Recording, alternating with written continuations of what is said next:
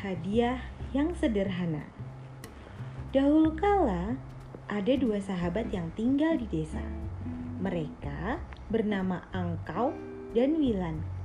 Keduanya memiliki sedikit modal dan ingin bekerja sama.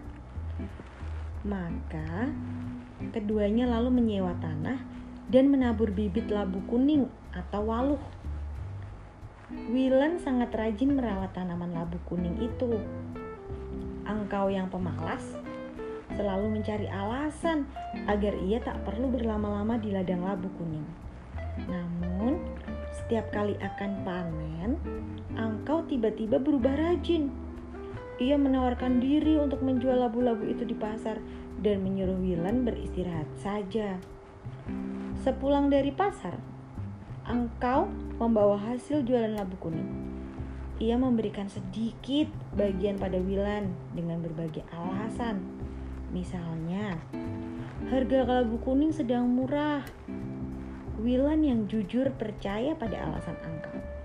Ia tidak tahu kalau Angkau sebetulnya tidak menjual labu-labu itu di pasar. Ia menjual, menjualnya di rumah-rumah para bangsawan di kota dengan harga sangat mahal. Para bangsawan istana menyukai labu-labu dengan kualitas yang bagus itu. Setelah beberapa tahun berlalu, Wilan masih hidup sebagai petani miskin. Sementara Angkau sudah menyimpan cukup banyak uang. Suatu hari, Angkau berpamitan pada Wilan untuk bekerja di kota. Wilan sangat sedih karena kehilangan teman. Namun, ia tidak menahan Angkau dan mendoakan agar Angkau sukses di kota. Di kota, Angkau memang sukses sebagai pedagang. Ia membuka toko yang cukup besar yang menjual berbagai barang. Itu karena Angkau mempunyai uang simpanan yang cukup besar setelah bertahun-tahun menipu Wilan. Suatu hari, Wilan mengambil tanah di hutan untuk menambah tanah di ladangnya. Wilan lalu menanam biji labu kuning yang baru. Seperti biasa, ia merawat tanamannya dengan telaten. Benih labu itu tumbuh semakin besar dan besar. Anehnya, sebuah labu tumbuh lebih besar dari labu lainnya. Pertumbuhannya sangat cepat dibandingkan labu yang lain. Akhirnya, labu itu tumbuh menjadi labu yang sangat-sangat besar. Seumur hidup, Wilan dan penduduk desa belum pernah melihat labu sebesar itu. Apa yang harus aku perbuat dengan labu sebesar ini? Aku tak mungkin bisa menghabiskannya jika aku makan sendiri. Pikir Wilan. Jika ia jual di pasar, tak mungkin ada yang mau membelinya terlalu besar.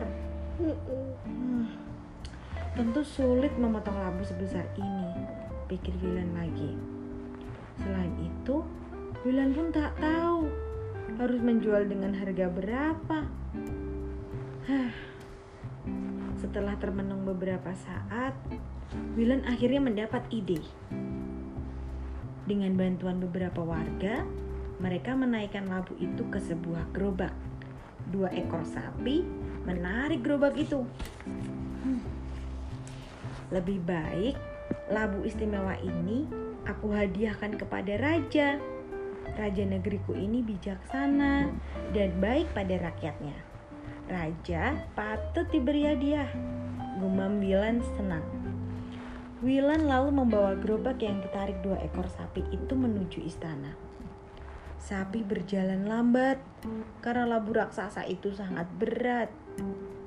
Beberapa waktu kemudian, tibalah Wilan di, istana raja.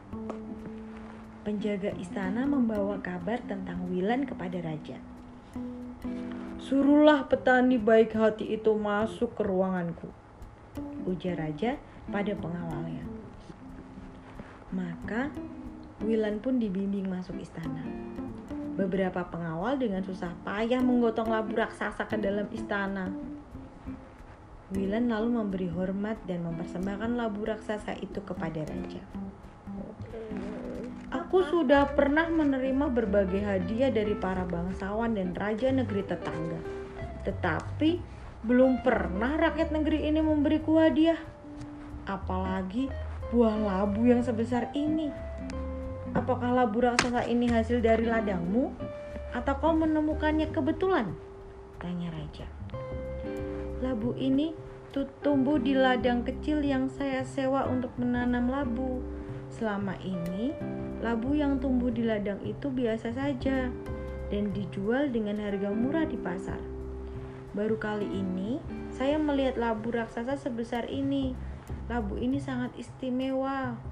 Saya tidak tega memakannya sendiri, apalagi menjualnya di pasar.